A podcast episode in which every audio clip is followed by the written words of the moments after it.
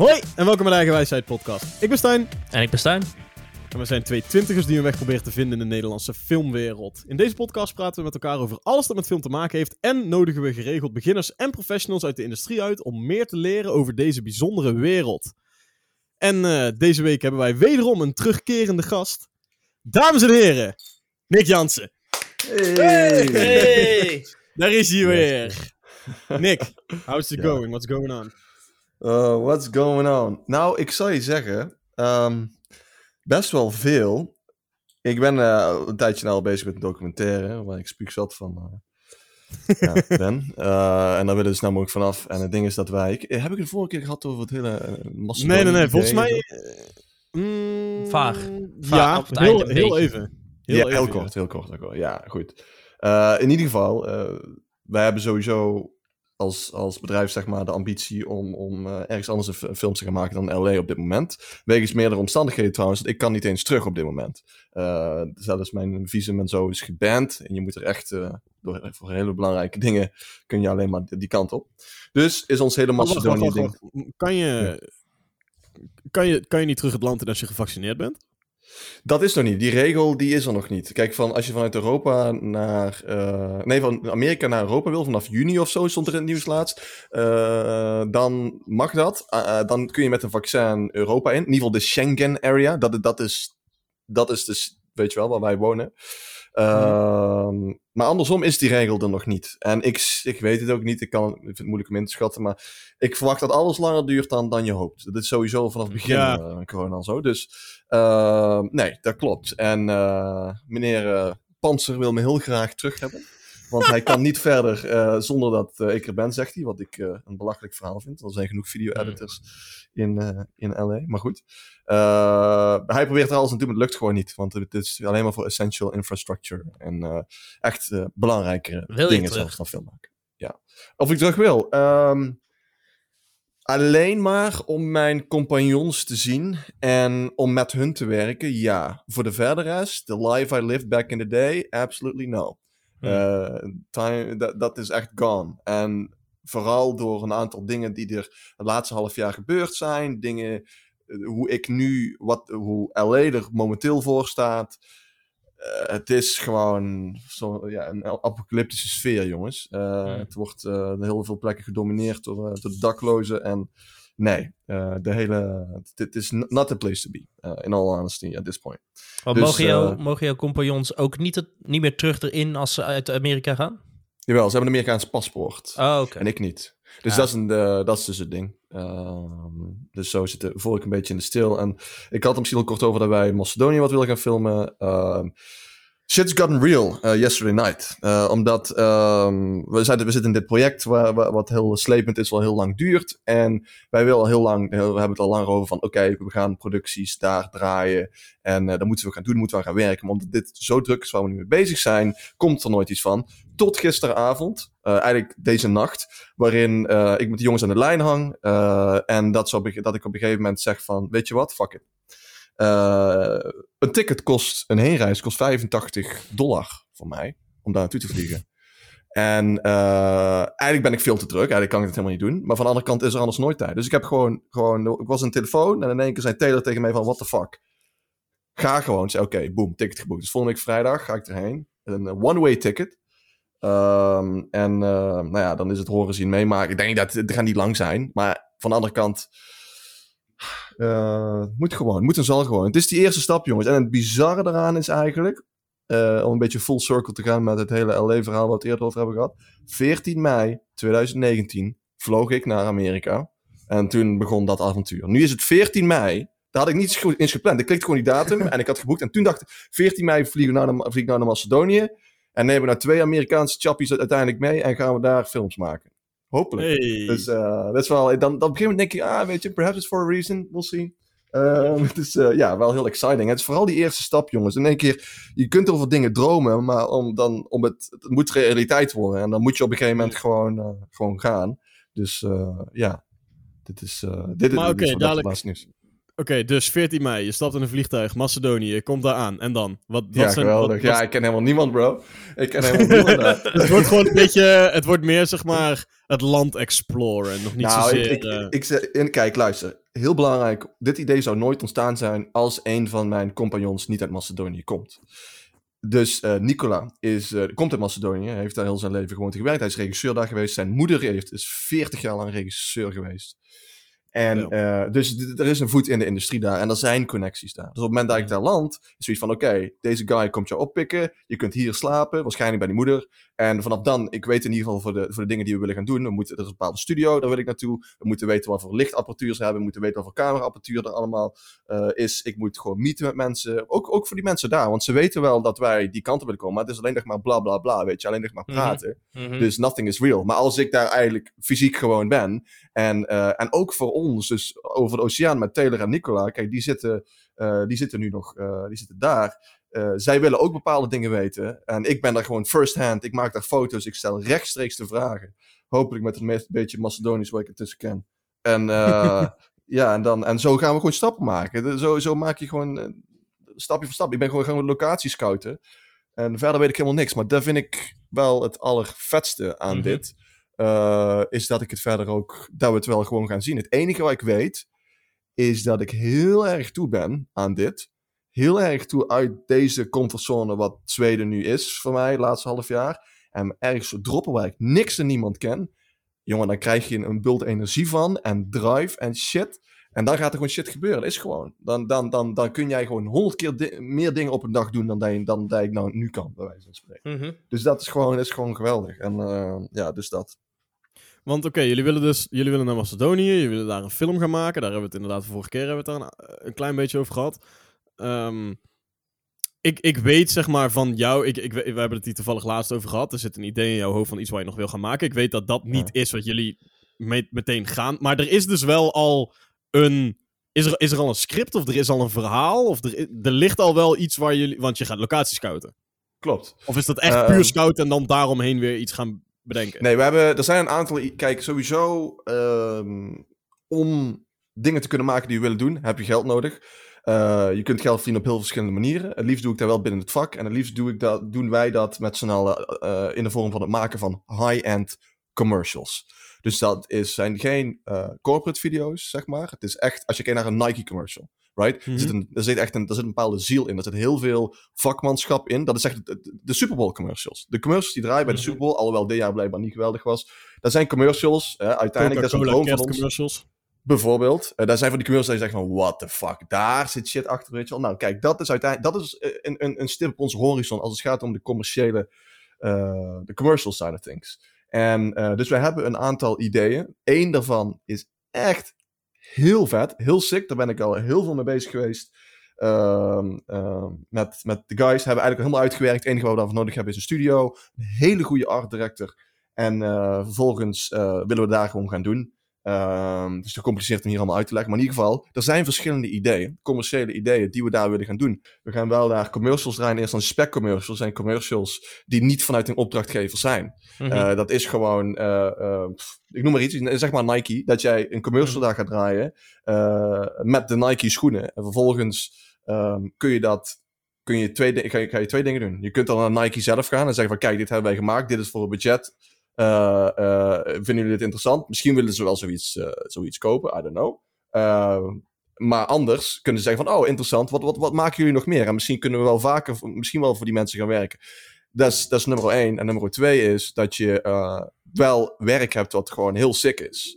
En, en op je portfolio kan zetten. Want dat, dat is de manier hoe mensen, en vooral in Amerika is dat, ik weet niet hoe dat, ja, in Nederland zal het ook al zo zijn, maar showreels bijvoorbeeld, en laten zien wat je kunt in dit vak, uh, dat is alles. Dat is hoe gewoon echt letterlijk, en in Nederland is dat niet echt, merk ik. Bijvoorbeeld Richard Spierings heeft nou sinds, ik weet niet, misschien anderhalf jaar zo een keer een, een showreel of zo. Uh, die heeft hij niet zo heel lang, omdat in Nederland wordt er nooit om een showreel gevraagd. Het is altijd via, via, via. In Amerika ja, ja. kom je eigenlijk nergens zonder een showreel. In de eerste instantie, als je van de grond moet komen. Op een gegeven moment als je Roger Deakins bent, ja, fuck die shit, maar je snapt wat ik bedoel. Mm-hmm. Nederland is uh, meer vriendspolitiek. Nou ja, het is gewoon een veel kleinere wereld. En, en mensen zien toch wel van elkaar wat ze maken. En, uh, en inderdaad, uh, dat, dat, speelt een hele grote rol. Het is, veel, het is ook veel persoonlijker. In ieder geval vooral onder de rivier in Nederland, denk ik. Ik weet, uh, ik weet niet hoe het in Amsterdam zit. Dat is misschien wel een andere wereld, maar ja. Denk Amsterdam wel, is altijd een andere wereld. Ja, ja. ja. Dus, ja ik, uh, ik had laatst opgezocht. Ik ben het alweer vergeten wel. Maar ik weet altijd. Ik, ik weet één commercial die me altijd onder de indruk bracht. En die is ook gemaakt door Nederlanders. ik weet Hm. niet of jullie de Even Milk? Apeldoorn reclames kennen. Oh nee. Eh, ja. Ja. Die, die waren van zo'n hoog kaliber dat je dacht dat het gewoon Amerikanen waren. Maar dat waren Nederlanders. Ze hadden op een gegeven moment hadden ze een, een, een reclame waarbij een, een buitenlander in, in Japan of zo ging hij van die Mm. acupunctuur laten doen. Ja. En oh, die dat vliegt. Ja, En ja. dan op een gegeven moment, de, de acupunctuur zit op eh, een 10 hoog en dat vliegt in de fik. Dus de man die hem aan het acupuncteren is, die springt uit het raam en die wordt opgevangen door de brandweer. Maar hij heeft ondertussen al die stokjes in zijn, in zijn lichaam zitten en hij moet springen. Of hij moet verbranden. En dan komt er die even Apeldoorn in beeld. Maar de, de kwaliteit van die reclames, als je je terugkijkt, dat is 2008 volgens mij, 2007 zoiets. Zou best kunnen, Hmm. ja. Hm. Maar eh, wat ze daar heel goed deden, en daarmee kom ik eigenlijk op een, op een thema wat wij hier wouden bespreken. Ehm, verhaal in een heel kort stuk vertellen, zonder überhaupt dialoog, Oh, die internationaal goeie. werkt. Zeker, ja. Ja, want dat is inderdaad... Ik, ik, ik, eh, ik, eh, ik appte Nick gisteren. En toen vroeg ik van, oké, dude. eh, heb je een, een voorkeur qua onderwerpen wat we kunnen gaan bespreken tijdens, eh, tijdens de podcast? En ik kreeg eigenlijk maar één woord terug. En dat woord was story. Dus eh, ik vind het sowieso ik vind het grappig, want ik, ik kreeg net een beetje het gevoel van... eh, Oké, we zouden deze podcast gaat over story. Oké, dus ik zat al helemaal te denken van, hoe ga ik dit beginnen? Maar dat was helemaal niet nodig, want letterlijk de eerste 13 minuten van de aflevering... zouden we gewoon verder gegaan waar de vorige aflevering met Nick gestopt is. Gewoon meteen gewoon, oké, Nick, your life, go. ja, nee, maar we kunnen dit heel mooi ca- catapulten into waar we jullie nu over hebben. Eh, story in het algemeen, right? En short form story. Dus in Mhm. één minuut iets vertellen. Eh, Is Mhm. dat, dat wat jullie over Ja, nou goed. eh, misschien zeg je dat omdat een commercial die we laatst online hebben gezet. was dus precies dat. In een minuut ga je een verhaal vertellen. En dat, daar zijn we nu ook helemaal mee bezig. Gisteren had ik ook weer een heel gesprek over een van de commercials die we doen voor, voor het merk waar we nu mee bezig zijn. En dat, het grappige is dat het uiteindelijk allemaal terugkomt, eh, dat je terug kunt koppelen in bepaalde zin met de klassieke three-act story structure. Ehm, en, en, en dit is, en ik zat er wel aan te denken van als we het hierover gaan hebben, ik weet niet hoe, hoe interessant dat is voor mensen, want het is best wel nerdy allemaal. Maar Nee, nee, nee, nee, laten, we, laten we dat een keer doen. Le- Let's get nerdy for once. Ja, Ik vind het helemaal niet erg. We kunnen het wel simplifyen in de zin van dat, dat eigenlijk sinds de tijd. Dat, je moet eigenlijk terug helemaal naar de basis. Eh, en dat is waar ik de laatste tijd mee bezig ben geweest. Ehm, is om te kijken van, van, van. En vooral met het maken van documentaire. Eh, documentaire waar ik nu mee bezig ben. Waarin je een klant hebt die eigenlijk helemaal niks geeft om belichting, om, om, om camera's en gekke lenzen. We begonnen echt met, met Lomo anamorphic lenzen, eh, die shit, die documentaire voor hem te draaien. En op een gegeven moment zegt die guy, maar ja man, maar dat vind ik niks. Moet gewoon makkelijk, mag ook gewoon met je telefoon filmen of weet ik het wat. En in het begin is het heel conflicting. Dan denk je van, dude, weet je wel, waarom... eh, wij zijn hier om dit werk zo te doen. En hij geeft er eigenlijk helemaal geen zak om. Hij wil gewoon, hij wil allemaal dingen helemaal anders. En op een gegeven moment is hij klant is koning verhaal. Ehm, en, eh, en, en dat is dan eh, dat is jammer van de ene kant. Van de andere kant heb ik er heel veel van geleerd. Want het enige, jongens, wat uiteindelijk. The only thing that makes sense after all. Dus ik weet, Stijn. Terwijl jij bent bezig met cinematografie. Ik Mhm. weet dat. eh, eh, nou, zelf ben ik eh, veel aan het editen. Ik weet alle aspecten van het vak. Er is één ding, dat is een universele taal. wat in alle culturen in de wereld werkt. En dat is story. En dat is gewoon. En dat is human emotion. En dat is uiteindelijk de enige houvast die ik als editor aan dit project, waarin, waarin je eigenlijk alle gave, alle tools, weet je, alle gave camera tools, alle, alle coole edit effecten, alles is gewoon gone. It doesn't matter. It's all about, dat is de enige houvast hoe, ik- eh, hoe ik, de enige houvast die er is om, om, om dit project alsnog werkende te maken. En, ehm, en ik ben er heel erg, wat ik heel erg geleerd heb, gedurende, want toen ik naar LA ging, ging ik daar als cameraman heen. Dus was ik helemaal obsessed by light. Dus ik ben helemaal bezig met licht en camera en framing, dit en dat. Dus en, zo. en echt op de ratio's aan het kijken, guys. Dus dat je echt kijkt van, oké, als je dus iemand belicht, dan wil ik dat eh, de linkerkant van het gezicht eh, zogenaamd één of twee stops eh, onder donkerder is, om even simpel te zeggen, dan de Mhm. andere kant. Dus je bent heel technisch bezig. En, en dat is heel fascinerend, dat is heel gaaf en dat is heel belangrijk, denk ik, vooral als cameraman, dat je dat snapt, dat je dat voelt, dat je daar gepassioneerd over bent. Maar, ehm at the end of the day, ehm, vooral in, de editing eh, in het editingproces moet je continu keuzes maken. En ik, ik heb te maken met, met, met misschien wel 50 uur aan interviews van mensen. Ik heb te maken met, met zoveel uren aan beeldmateriaal. En, en, en je bent als editor, elke, elke cut, elke snede is een keuze. En waarom maak je die keuze? Eh, maar uiteindelijk ga je kijken van, oké, dit shot is heel vet. Maar dit shot is weer heel vet. Eh, ik bedoel, die is heel mooi belicht. Maar dit shot is, ja, die is weer heel, eh, eh, die is heel gek. Die is heel, heel komisch. En, en, en, en dit shot, ja, dat is gewoon wat betreft het verhaal. eh, dat, en uiteindelijk kom je erachter dat, dat, dat het verhaal altijd wint. Story wint gewoon altijd. En, ehm, eh, want dat is iets wat de klant ook gewoon snapt en voelt. Dat voelt iedereen. Ehm, en dan om terug te koppelen naar die 1 minuut commercials. We zijn tijdens het maken van deze documentaire, is er één commercial die op ons pad is gekomen, eh, die we gingen doen. En ehm, daar begonnen we eigenlijk met een, eh, een, een heel, met, met een, een, een meisje, ehm, Africa, African American. Hoezo Hoe vertaal je dat eigenlijk? eh, hoe zeg je dat in het. Nederlands? Ik, Je ja, je ik niet- geen een idee. getint- Nee, ja. Is, het- ja, wat voor vertaling heb je daar? Afro-Amerikaans? Afro, dat, dat zit, maar dat zeg ik in Nederland toch niet? Maar je zegt ook niet een, een, een, hij is een wit persoon of hij is een zwart. Dit is er geen... Getint, laten we het op getint houden. Perfect. Dus een getint persoon, die, eh, zij heeft zelf een heel erg, eh, die, die eigenlijk die we bijna van de straat hebben ge- geplukt, die we wel heel random tegenkwamen in zo'n, in die, eh, in die boxing eh, gym. En zij is iemand die echt ook gewoon nog twee maanden van tevoren nog op straat leefde. En op een gegeven moment is zij in die sportschool daar terechtgekomen. En, en die coach heeft haar gemotiveerd om, om, om, om te gaan boksen. En uiteindelijk is haar grote doel nou om naar haar eerste, haar eerste wedstrijd te gaan boksen. Ehm, en dit is, dit is echt. En vervolgens gingen met die commercial, was eigenlijk voor, voor een vape, maar dan een, een, een vitamin vape. Dus niet een vape met nicotine, maar een soort van een energy, andere vape. Eh, ehm, en, en, en die klant die wilde dus iets doen met een, een, een sport, dus inderdaad boksen. En zo kwam het ter sprake. En we gingen toen draaien met haar. En in eerste instantie, de beelden die terugkwamen waren gewoon eh, vette shots, mooi belicht, met een meisje wat eh, volle bak aan het boksen aan het trainen is.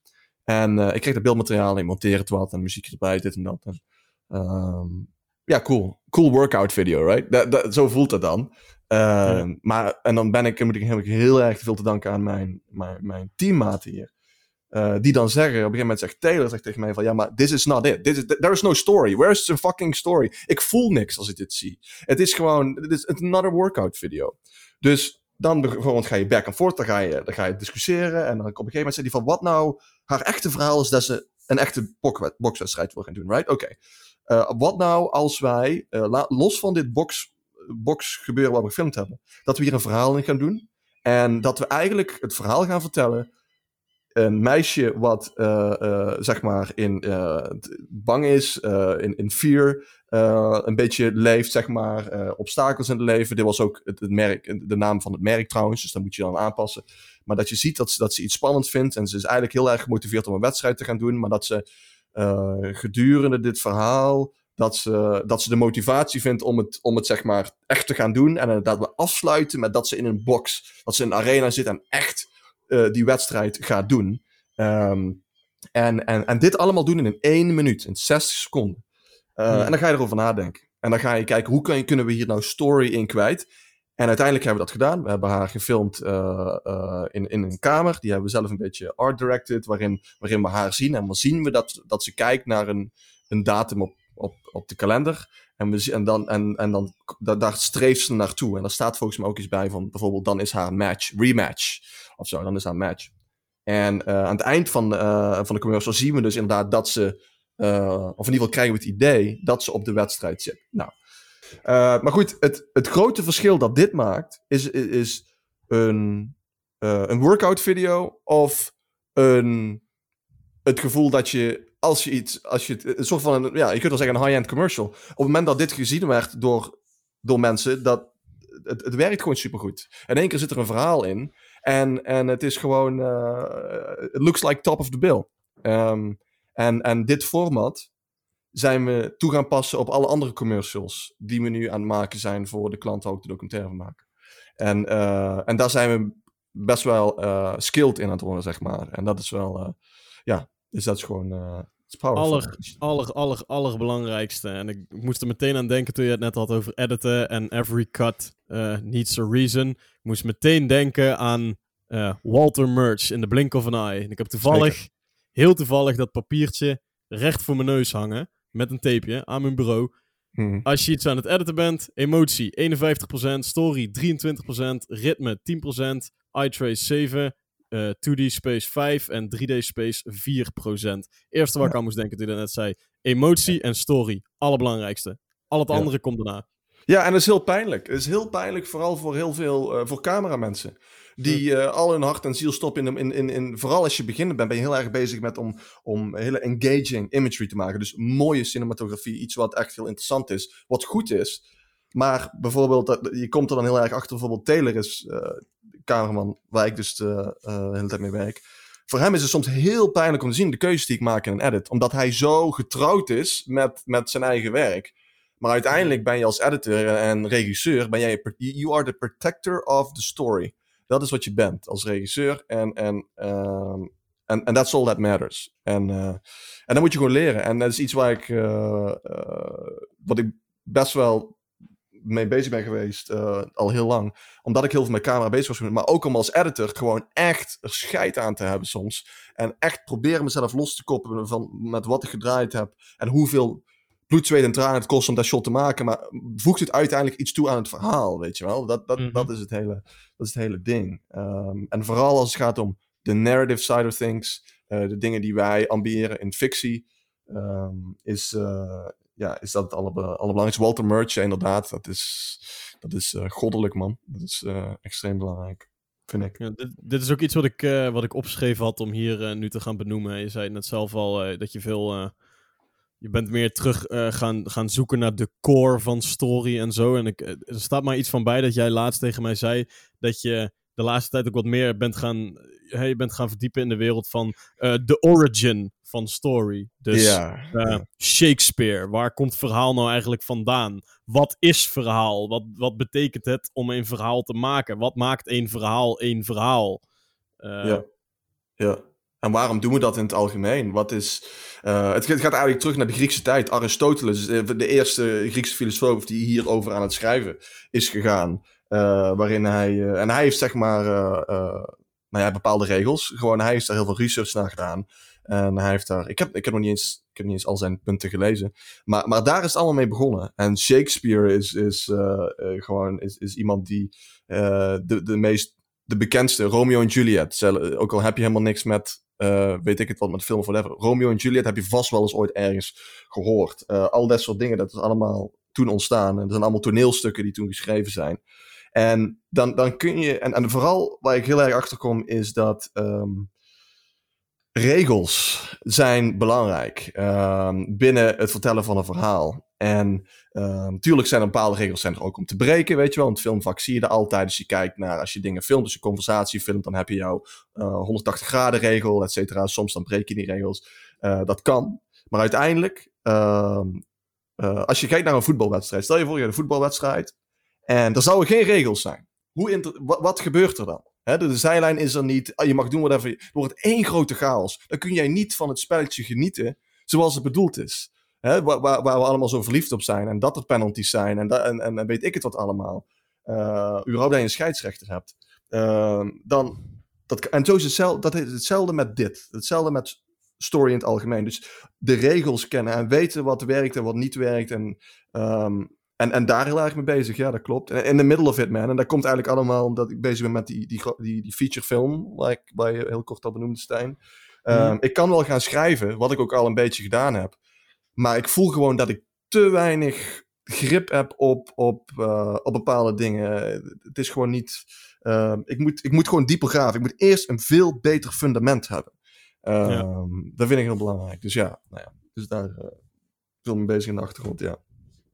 Hoe, ja. hoe, hoe erg, voor jullie allebei eigenlijk, hoe erg ehm, betrekken jullie in jullie schrijfproces de kijker? En hoe erg denken jullie na over wat zou een persoon die niks met film maken doet, maar wel mijn film kijkt, die van vinden als ik dit zo schrijf?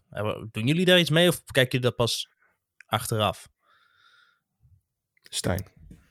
Ik zit erover na te denken. Want ik weet wel een, eh, bijvoorbeeld bij Rottweiler dat wij een bewuste keuze hebben gemaakt bij eh, de persoon die zeg maar aan tafel zit, is een vrouw, omdat waarschijnlijk mensen meer associa of meer emotie hebben bij een vrouw dan bij een man die. Ja, meer, meer medelijden of zo. Maar inderdaad, dat, dat klopt je. Wow, Ja. dat was ik helemaal vergeten totdat je dat nu, Awesome. nu zei. Maar dat was helemaal aan het begin van het proces. Inderdaad, de specifieke keuze gemaakt om de hoofdrol een meisje te maken. Omdat mensen daar sneller medelijden mee zullen hebben. Dat klopt, ja. Wow. Was ik helemaal vergeten, maar dat klopt.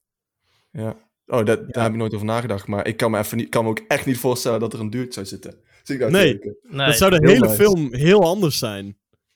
Want Ja. eh, om een of andere reden heb je dan toch zoiets van... Als, als er dan een dude zou zitten, dan zou je toch automatisch een beetje een soort gevoel hebben van... Ja, die zal dan ook wel ge- eh, zichzelf een beetje in eh, niet zo'n zuivere zaakjes... eh, Ja, maar weet je wat, nog- weet je wat vooral is? Weet je wat het vooral is, Stijn? De relatie tussen broer en zus. Die zou ook heel anders zijn. Toch? Klo- oh ja, ook. Zeker. Ja. Dat, dat zit Ja. ik aan het denken. Die is ook op een gegeven moment, als je daarachter komt, dat is een onderliggende laag die best, die best wel heel, eh, ook heel sterk is, ja. Ja, ik zit even, na te denken, Stijn de Waal, over, over, over wat je denkt in, zegt in hoeverre je rekening houdt met die audience. Ehm, Ik weet dat we dat bij Rottweiler zelf wel hebben, tenminste als ik voor, on- voor ons spreek. eh, bij Rottweiler hebben wij dat wel meer gedaan dan bij Zet maar op de rekening. Zet maar op de rekening is wat meer... Ja, ik weet niet. Ja, gewoon wat, wat luchtiger en zo. Daar hebben we wat zijn we wat minder daarmee bezig geweest. Terwijl bij Rottweiler was het wel echt... Wij zijn heel bewust bezig geweest met... eh, wij wilden de kijker op bepaalde punten in de film het gevoel geven dat of die persoon heeft momenteel alle macht in de ruimte, of die persoon heeft momenteel Mhm. alle, alle macht in de ruimte. Zeg maar, wie, we wilden de, de, de kijker het gevoel geven van, jij, hebt, jij, jij weet eh, wie de machtigste persoon is in deze ruimte. En op het moment dat je die gedachte hebt, hou dat vast voor een paar minuten, en dan opeens switchen we het. Ah, je wist niks. Die andere persoon heeft al die tijd al, eh, Mm. alle macht gehad. Oh nee, Mhm. toch niet. Nee, toch wel. Weet je, wel. Da daar zijn we wel heel bewust mee bezig geweest. Doe me heel erg denken aan Hitchcock, man. Op de manier hoe dat hij ermee bezig was met zijn films. Ja, in, eh, even kijken, zijn bekendste film, eh, die, eh, met, die, met die shower scene. Hè? Psycho. Ja. Eh, er, is, er is een, eh, een film gemaakt over eh, zeg maar de behind the scenes van zijn leven of whatever. En dat je inderdaad hij, dat gevoel over wil brengen. En hetzelfde Quentin Tarantino. Hè? Die mensen die willen gewoon, nu wil ik dat mijn audience zich zo voelt. Mijn kijker moet zich nu zo voelen. En nu moet hij zich zo voelen. En inderdaad, die zijn er heel erg veel mee bezig. Ik zit even te denken aan mijn, aan mijn eigen persoonlijke take on this. Is dat ehm, het verhaal wat ik wil vertellen is heel persoonlijk. Eh, een, een hele persoonlijke basis. Dus mijn verhaal gaat heel erg over de tijd dat ik, eh, eh, nou ja, gameverslaafd, wat je het ook wil noemen. Die periode. Dat ik competitief gamer was, zeg maar. Ehm, en waar ik heel erg achter kom, als je dat een heel persoonlijk verhaal dan hebt. ehm, eerste instantie denk je alleen maar aan je persoonlijke leven en hoe dat was. En oh, dit is interessant, zus en zo. Maar daar kom je er al heel snel achter als je dan nadenkt over. eh, en die gaat vergelijken met een, een film als Whiplash. Hele goede, een heel goed voorbeeld over, over hoe. ehm, waar mijn film, zeg maar, ook in diepere laag over gaat. Ehm, en even kijken. Wat had ik nog meer als inspiratie? Dan ben ik het even kwijt. Eh, maar dat, je, dat ik erachter kom dat mijn leven helemaal niet zo heel spectaculair is in die zin. Dat ik al heel snel extremer moet gaan. Hetgeen wat ik heb ervaren, zeg maar, in, in mijn gamingperiode. Weet je, ik heb, ik heb toernooien gespeeld, speel landtoernooien. Dat begon met vrienden, Wout en noem maar op. Op een gegeven moment zijn die jongens gestopt en ik ging door. En dan gaat uiteindelijk je hele echte leven een beetje consumen, zeg maar. Hè? Je gaat dan echt in die wereld leven. En ik ging met teammaten spelen die, ja, die ik verder niet eens persoonlijk kende. Maar dat is allemaal online. En je kreeg die online status, noem maar, maar op. En ehm, op een gegeven moment ga je dan naar een echt toernooi. En dan ging je naar het Nederlands kampioenschap. Oh nee, het was een Europese wedstrijd. Alleen stond er dan, als je dan won, kreeg je 800 euro of zo. Maar ging het nooit om het geld. Het is helemaal geen geld. Want dat train je een half jaar voor, jongens. En als je Hmm. wint, krijg je 800 en dan ben je een team. dus, en eh, de reiskosten, alles bij elkaar, dan ben we de helft kwijt. Maar daar ging het niet om. Het ding is, voor mijn verhaal, dat moet helemaal, eh, als ik dit ga verfilmen, dan moet helemaal in zijn proporties gaan. Dit, uiteindelijk moet het om miljoenen gaan, weet je wel. Dus om, het, om genoeg interest te hebben ook. En, want het is gewoon zo, we consumeren heel veel content, iedereen, elke dag. En, Mhm. en, en je moet gewoon, ehm, eh, het mag gewoon wat extremer. Dus als ik denk aan, die, aan, aan de kijker, wat jij vraagt, denk van ja, dan denk ik aan de kijker. En, en, en ik kijk naar Breaking Bad, precies, dat wil ik zeggen. De pilot van Breaking Bad, perfect voorbeeld. Als je gaat kijken naar, ehm, naar de stakes, zeg maar, de, de, de dingen die ze daarin laten zien en hoe extreem dingen zijn. Hè? Iemand die, eh, een, een, een, een man die dealt met kanker en, en wil voor zijn, voor zijn gezin kunnen zorgen. En het is dan allemaal extreem. En dan denk ik van ja, mijn, mijn verhaal, natuurlijk kun je Breaking Bad niet over, zomaar overtreffen. En ik, heb een, ik vertel een heel ander verhaal. Maar het, het is uiteindelijk wel drama wat we vertellen. Het is, een stukje, het is uiteindelijk ook een stukje entertainment wat we vertellen. En dan moet je wel next level gaan. Dan moet je niet uh, te veel terughouden, denk ik. En het, uh, ja, het is eigenlijk gewoon. Ik denk dat het is wat jij nu net zegt: van ja, het was maar 800 euro. Als je dat ook in de film maar 800 euro maakt, Juist. dan heeft de kijker ook zoiets van: oh. High stakes, higher stakes. Ja, exact, exact. Ja, ik ja. moest jij. Gevoel... Ja, oh ja, ga vertel. Nee, terwijl het gevoel wat ik had tijdens dat toernooi. Ik had het gevoel dat ik voor, voor zeg maar 10 miljoen dollar. En dat, ik dacht niet eens aan geld, ja. maar het is gewoon. Je bent op je piek, weet je wel. En uh, dus, dus dat, dat is hetzelfde. Dus daarom denk ik dat. Er zijn zoveel dingen die ik. En ik weet ook, Wout, als Wout dit hoort. En uh, ja, dat zijn heel veel, uh, heel veel dingen hierover. Heel veel anekdotes die ik terug ga, wil laten komen in het verhaal. anyway, dat wordt wel grappig, ja. ik moest net toen jij zei. eh, toen jij het had over de naam Tarantino viel net en het ging over uh, de kijker mee laten denken over. Uh, of uh, de kijker meenemen in je denkproces tijdens het schrijven. Tarantino heeft daar een heel bekende uitspraak van. Ik weet niet of jullie die kennen.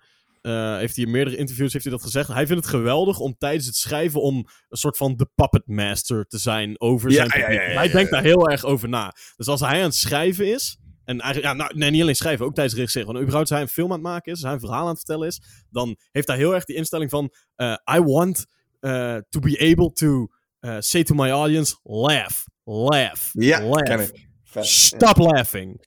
Stop ja, ja. laughing. Ja, ja, ja, ja, ja. Laugh again. Now laugh. Weet je wel? Dat die, dat die, Oh. ik vind dat zo top, vind ik dat om... maar hij, dat, hij is dus bijvoorbeeld een filmmaker die dat heel erg meeneemt in zijn proces. Voor mijzelf, ik, ja, ik weet niet, nog niet helemaal ontdekt, denk ik eigenlijk. Oh. Want bij Ja, Rotweiler ja. wel en bij, bij Zet maar op de rekening helemaal niet. Eh, bij Zet ja, nee, klopt. Bij Zet op de rekening hadden we heel erg de, de... Nou, wij namen een beetje een gok, want we wouden een beetje comedy gebruiken. En comedy is heel moeilijk om in te schatten of mensen het echt leuk vinden.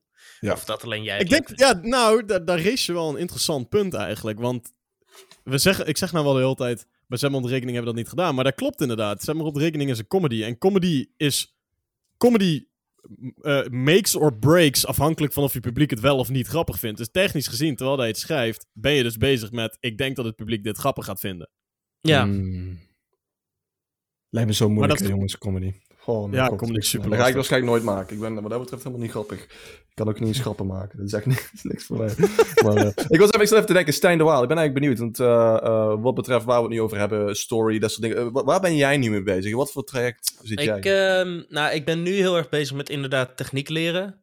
Maar Mhm. omdat ik begon met regisseur willen zijn, ben ik ook nog steeds... ah, Ik maak altijd eh, keuzes op basis van story. Dat is gewoon iets Hmm. wat, ik heb, wat ik heb gemerkt. Want als je als, eh, als je als cameraman wordt opgeleid, dan leer je ook de camera heel goed kennen, maar niet zozeer het verhaal wat je ermee kan vertellen. Mm. En ik maak eigenlijk al mijn meeste van mijn camerakeuzes. De eerste shots die ik maak, die ik sowieso wil opnemen, zijn altijd gebaseerd op het verhaal. Dus er moet een, Ja. een reden zijn waarom de camerabeweging die beweging maakt. En daarna doe ik nog wat extra dingen, zodat de editor nog een beetje keuze heeft, maar die zijn niet zozeer verhaal gerelateerd. Maar dat is, ik ben nu Hmm. gewoon een beetje bezig met eh focussen op techniek leren. Extra. Ja. Ja. Ik vind, dat vind ik, eh, ja goed. Ik, ik vind dat een hele goede mindset, Stijn, eh, persoonlijk. Omdat ehm, het wordt zo vaak, eh, wordt het helemaal anders benaderd. En vooral ehm, eh, tegenwoordig dat, dat, dat, zo, dat er zo nadruk ligt op het maken bijvoorbeeld van vette shots en dit en dat allemaal. Ehm, ik denk dat Rottweiler Stijn, want ik had het laatst met Stijn over. Ehm, dat Rottweiler dus bijvoorbeeld ook door mensen binnen het schoolsysteem eh, gewaardeerd wordt als het gaat om camera.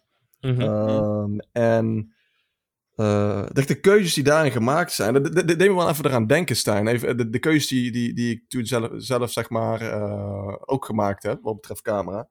En dat is, ehm, ja, de- het is alleen op de hoogte van je camera. Ik weet nog wel dat ik er toen heel erg mee bezig was.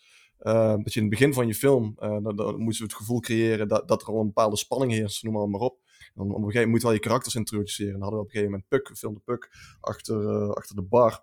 En ehm, toen was er inderdaad ook zo'n moment dat, eh, eh, ik weet nog wel dat ik, dat ik heel graag met de camera wat hoger wilde zitten, zitten boven haar eyeline. Alsof, alsof er een bepaalde druk op haar, zeg maar. Hè? Alsof je dus Mhm. neerkijkt op haar. Ja, Eh, ja. dat, dat soort dingen. En, en, en dat ook in het hele tafelgesprek. Maar het aller, allervetste, eh, misschien wel, is die move naar, naar het geweer. Eh, Hmm. die, is heel, die blijft heel powerful, omdat eh, het breekt zeg maar, de decoupage in één keer zo extreem, maar het is zo story-motivated op dat moment, dat je, dat je zeg maar, en ik weet niet of we over de as gingen of wat er ook gebeurde. Ja, we zijn volledig, nou, nou, ja, dat, Ja, die dat is geflipt ook, hè? Wij zijn eerst zijn we volledig over de as gegaan, omdat we niet, eh, we konden niet met die, hè, we hadden het met zo'n heel crane Ah. systeem, en we konden er niet Ja. bij. We konden er gewoon fysiek niet erbij. Dus toen hebben we de camera helemaal aan de andere kant neergezet, zijn we volledig over de as heen gegaan. En toen, eh, toen hebben we het achteraf in de edit weer teruggeflipt, alsnog. Ja, ja, precies. Ja, want eh, ja, dat werkt in één keer beter. Maar dat zijn... eh, en ik weet nog wel, het enige waar ik dan nog van baalde bij die korte film, is dat ik... Kijk, je wil... Puck wilde we... Zij, zij is in dat moment in de film in een hele oncomfortabele situatie. Mhm. en dus heel veel negative space in de frame. Eh, waar ik nog steeds van baalde op de dag van vandaag, dat ze zoveel negative space krijgt. Ik, ik had, ik had eigenlijk had er iets, iets verder naar links moeten pennen. Maar ja, Dat is interessant, want ik, ik, als ik Rottweiler laat zien aan mensen, en het zijn mensen die niks met video doen, zeggen ze daar niks van. Maar als ik het laat zien aan videomatties, of mensen die zeg maar in de camera dingen zitten en die veel commercieel werk doen, dan is dat het eerste dat ze zeggen van, oeh, zit wel heel erg in de hoek, niet?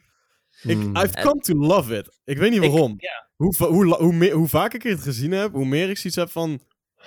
Ik vind het wel dope of zo. Ik weet En niet, ik het is heb- toch ik heb- anders. Bij van die videomattie mensen altijd het idee, maar snap je de, de story reason achter het shot? Ja. Want ik heb meestal niet het idee, dat, die kijken daar puur technisch naar en die zien van, oh, dat is veel te veel negative space, dan moet je dus niet mooi gecenterd.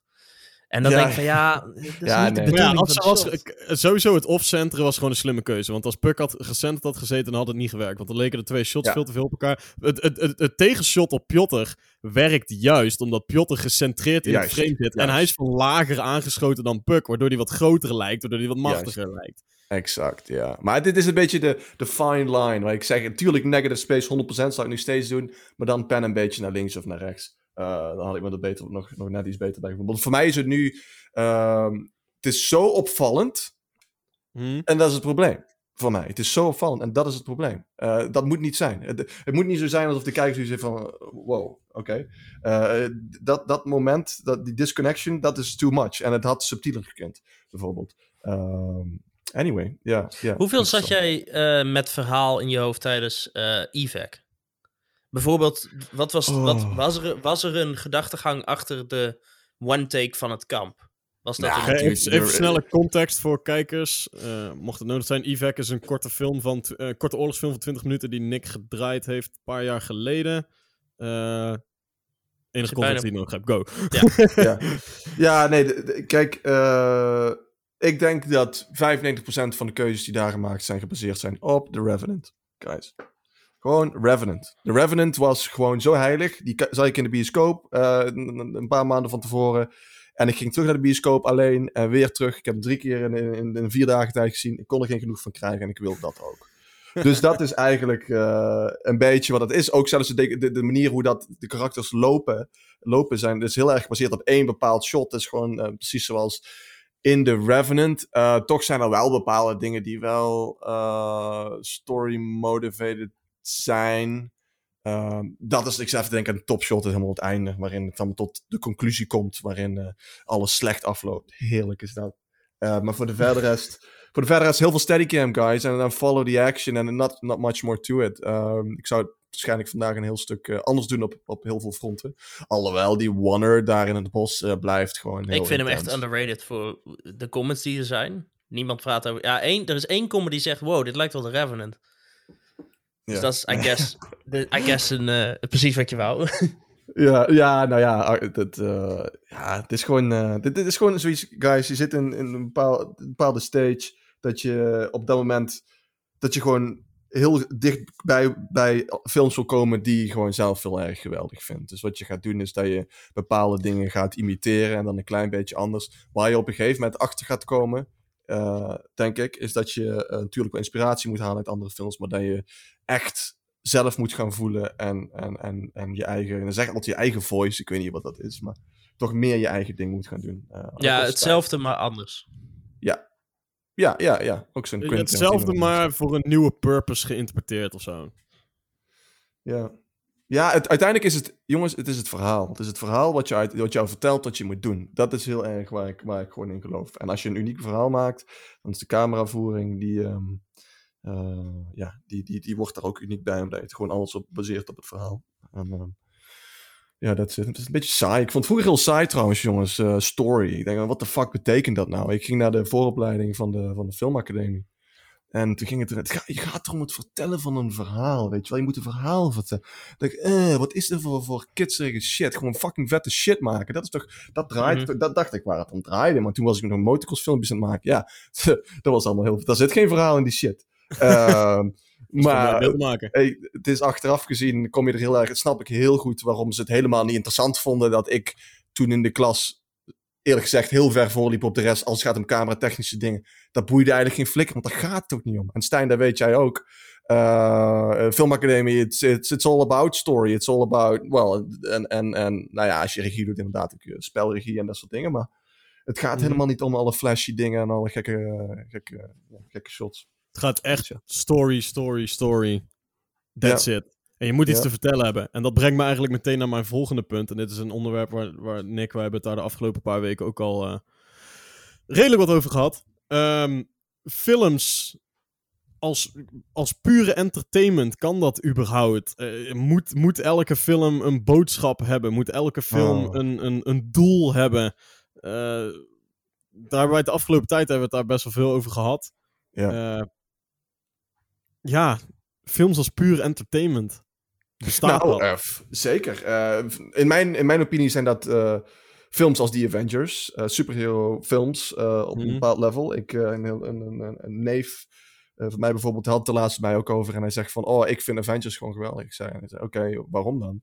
Hij zegt, nou, ehm, ik vind het heerlijk om, om hè, hij heeft gewoon zijn eigen leven, dat is struggle genoeg, bioscoop, alles los te laten en gewoon het gevoel dat je vliegt met Iron Man. Of dat je dit, dat gewoon loslaat. Puur die entertainment factor. En ik denk Maar- ook dat dat ook een heel... Ja. Nou ja, ik, je, je noemt bijvoorbeeld Avengers als voorbeeld. En ik snap heel goed wat je daarmee bedoelt. Eh, in de zin van dat het puur entertainment is. Maar tegelijkertijd resonate hij met die film omdat hij denkt dat het pure entertainment is? Of werkt het op een dieper level? Ook zitten er bepaalde thema's en boodschappen in die film die eraan toevo toevoegen aan de ervaring hoe hij die film kijkt, zonder dat hij het zelf misschien echt in de gaten heeft. Bijvoorbeeld, hij Absoluut. neemt Avengers of Iron Man of net als voorbeeld. Die hebben toch ook wel thema's slash boodschappen als eh, in jezelf leren geloven is een heel, heel, heel traditionele bij, Zeker, bi- zeker, bij, eh, zeker. bij superheldenfilms, bij de Avengers en bij Justice League en zo heb je eh, mensen die normaal lone wolves zijn, die leren werken in een team. Dat zijn Ja. toch wel een soort van ja, belangrijke ja, thema's of zo, die dan toch wel... he- he- hebben die films dan toch iets te vertellen? Of is dat maar gewoon een klein... eh, ja, een, een, een... Ja, hoe noem je het? Kleine ondersteuning van gewoon de entertainment.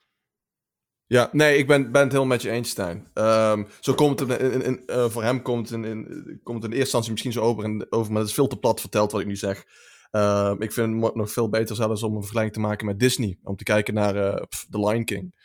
Eh, films als dat. Oh mijn god, wat zit daar een stukje opvoeding in zo'n film? Er, zit zo, er zitten zoveel, inderdaad, wat zegt die thema's, eh, noem het dan maar op. En uiteindelijk, waar, ga, waar gaat zoiets over, over? Dat gaat uiteindelijk The Lion King, waar gaat het over? Dat gaat op, over opgroeien, zeg maar. Eh, opgroeien, Ja. in general. En living up to your father's whatever. Daar, zit, daar zitten hele diepe thema's in. Ander- anders werkt het inderdaad ook niet. Je hebt gelijk, ook in Avengers, dat is niet alleen maar pure actie en, en, en vette shit. Dat hou je ook niet vol. Dan kun je nooit zo'n film afkijken voor twee uur. Je moet mee kunnen voelen met je karakters.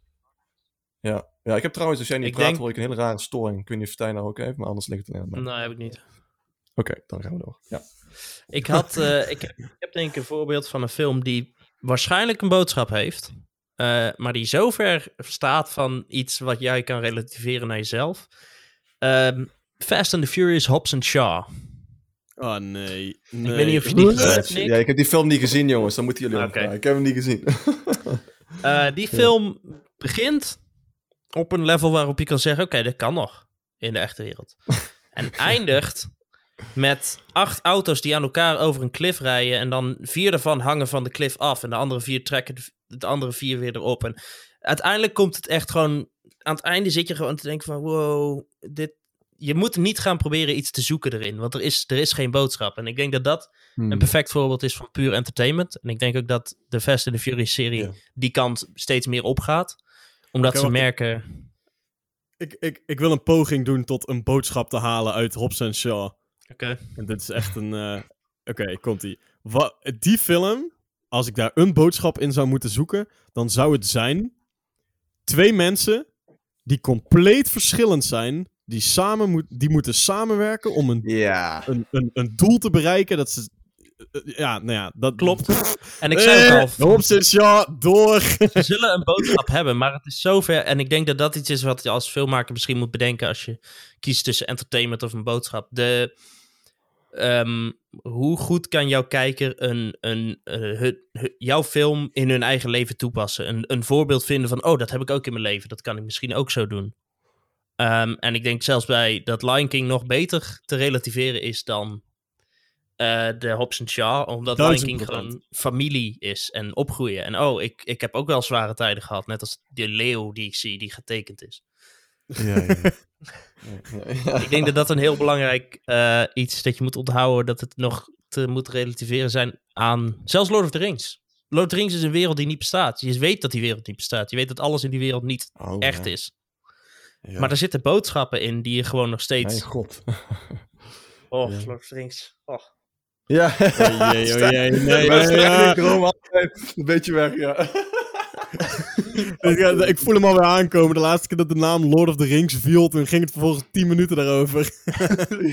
La, nee, nee, het zal, nee, joh, dat gaan we niet. Dat, eh, het, het zal wel. Maar da- inderdaad, Stijn en ik, wij weten, wij weten Stijn, en dat is zeker zo. Ja, geweldig. Nee, maar dat is, dat is, dat is, dat is, dat is zo, ja. Eh, story, ja, ik denk dat het wel een mooie... ja, dat is Denken wel- jullie, ik, ik had nog een. eh, denken jullie dat films, en dan heb ik het voornamelijk over heel veel eh, video-essays en zo op YouTube, et cetera, maar ook gewoon mensen die beweren dat ze filmbuffs zijn en zo. Eh, denken jullie dat, dat, dat films in zekere zin soms echt overgeanalyseerd worden tot het punt dat mensen zeggen van. Eh, hè, dat er, een, dat er een, een kwartier lange video is met een theorie over waarom dit specifieke karakter een rode jurk draagt. Want het heeft te maken met kleurcode dit. En eh, om, om aan te tonen, want rood is de kleur van de dit. En eh, dat toont aan dat bla bla bla bla bla. In plaats van dat de art director gewoon zei, of de costume designer, ah, ik wil dat ze een rode jurk aan heeft. Want mooi, mooi man, rode jurk. Denken jullie dat shit overanalyzed wordt? Mm, Mm. Het, is, eh, het is een ja-nee verhaal, eh bruh. Want eh hetgeen wat ik weet, als je naar. het, is een, het is een nee-verhaal als het gaat om. Of ja, als het gaat om details. Een mooi voorbeeld is, is Harry Potter, waarin de art directors er zelfs voor zorgen dat in alle kastjes en dingetjes, dat er ook, dat er ook echt boeken en echt dingen in zitten die op de set horen, zeg maar.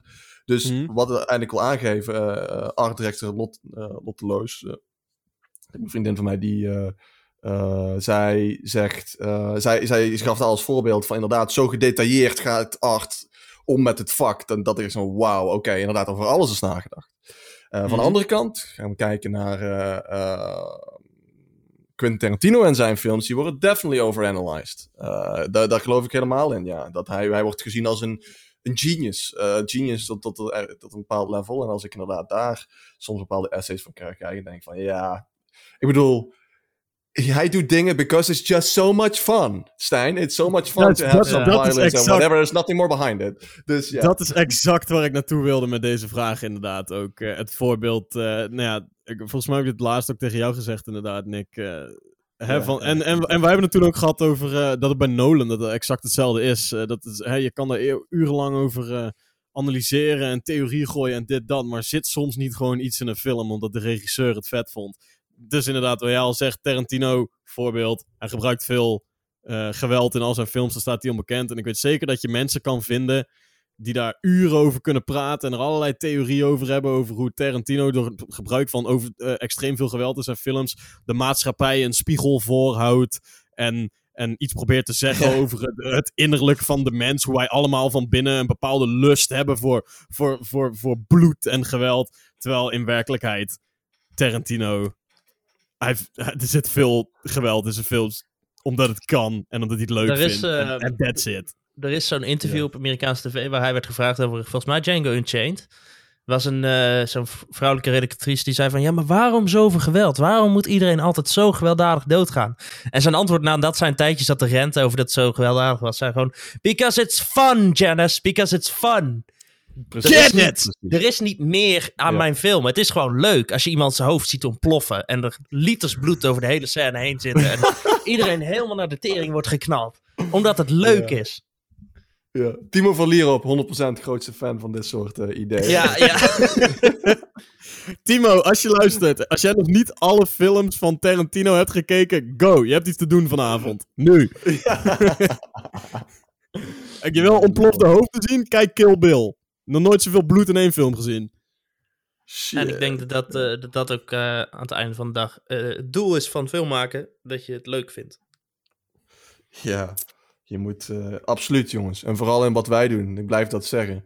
Je moet het echt, eh, ja, je moet het, je moet het zo leuk vinden, want eh, het, is, het, is een lang, het is een lange adem, zeg maar. Om eh, in deze wereld, vooral in de fictiewereld, there I go again, om, eh, om daar succes te behalen. En succes, dan bedoel ik dat je ervan kunt leven en dat je dus echt kunt doen wat je alleen maar mee bezig bent eigenlijk, waar je echt gepassioneerd voor bent. En het voelt niet als werk.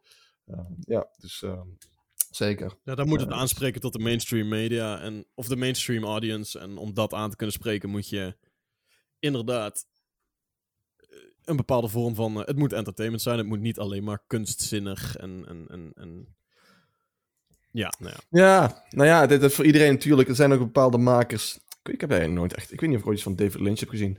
Hij laatst een film van. eh, wat is die andere regisseur? Eh, oh, Dancer in the Dark is van eh, een, Deen, eh, een Deense regisseur. Een hele zware film. De film is echt is ongelooflijk. Maar ja, dat, dat, dat, zijn bepaalde films die inderdaad echt zo'n arthouse films. Die echt gemaakt zijn voor, voor, voor, voor cineasten en mensen die. die eh, ja, niet de mainstream audience. Maar als je dat doet, dan weet ook wel dat je, eh, net als Brimstone, er heel lang mee bezig zal zijn om het geld A, A te vinden voor zo'n project. En B, dat er een ze- zeer grote kans is dat, je, er dat het ook geen geld gaat opleveren. En eh, Mhm. dat, dat zijn hele zware projecten, maar die worden uiteindelijk... eh, ja, ik waardeer die altijd heel erg, natuurlijk. Eh, maar ja, er zijn allemaal risico's in. Ik weet nog wel, Brimstone inderdaad. eh, toen jij die film ontdekt had, dan heb je die echt eh, tien keer in een week gekeken. Dat weet ik nog wel. Toen liep ik stage bij jou. Toen liep ik stage bij jou met, met, eh, met Mark. En toen waren wij eh, aan, aan de visual effects voor Scars bezig. En toen kwam jij binnen. Toen zei je, jongens, stop waar je mee bezig bent. Loop naar de Jumbo. Haal snacks. Kom hier terug. Over een half uur gaan we Brimstone kijken. Oké. toen had je hem al drie keer gezien of zo die week. Zeker. Ja, let's go. Ja, nee, maar oh joh, dude, ik kan niet stoppen. Als ik helemaal verslaafd ben aan een film. Maar dat is ook altijd. Ik kijk helemaal niet veel films. Maar als ik dan een film kijk, dan is hij heel doelgericht. En dan eh, ben ik er ook daarna een week lang mee bezig. En dingen uitzoeken en, en alles. Eh, ja, dat vind ik geweldig. En ik laat het niet los. Voor mij is het net als muziek. Dat heel veel mensen naar muziek kunnen luisteren. En dat vaak eh, naar eenzelfde nummer kunnen luisteren. Voor mij is dan naar films ook. Alleen zijn die, is het dan een, een langer nummer. Meestal is het dan een uur of twee uur lang. Maar ja, that's the way it works for me too. Ik denk dat we hem gaan afronden, want we zitten bijna op een uur. En we moeten Oh, onthouden dat mensen meer dingen te doen hebben dan onze podcast luisteren. ook wij, Dus, ook wij. ehm. Ook wij zelf, ook wij zelf. Ehm, dus, ik ga wederom vragen aan Nick. Waar kunnen mensen jou vinden? Of jouw werk? Of allebei? Ah, man. Eh, Instagram. eh, website. Instagram Nick laagstreepje Jansen laagstreepje website www.motioncreative.com en creative heeft geen E op het einde. Heel creatief. Dus eh, ja, heel lastig gespeld. Maar eh dus www.motioncreative.com. Dat is onze website waar we ons werk nou gaan plaatsen en zo. That's it. Yes. Ehm, voor de rest zijn wij zelf te beluisteren op meerdere podcastplatformen, waaronder iTunes, Apple Podcast, Spotify en Google Podcast. Eh, elke maandag om 7 uur is er een nieuwe aflevering. En je kan ons ook volgen op Twitter en Instagram op @ewh-podcast. Dat is het. Bedankt voor het luisteren. Nick, bedankt voor eh, het wederom te gast zijn. Ja, dankjewel jongens. Jullie ook, uiteraard, alweer. En eh, dan rest mij niks anders dan te zeggen. eh, tot de volgende keer.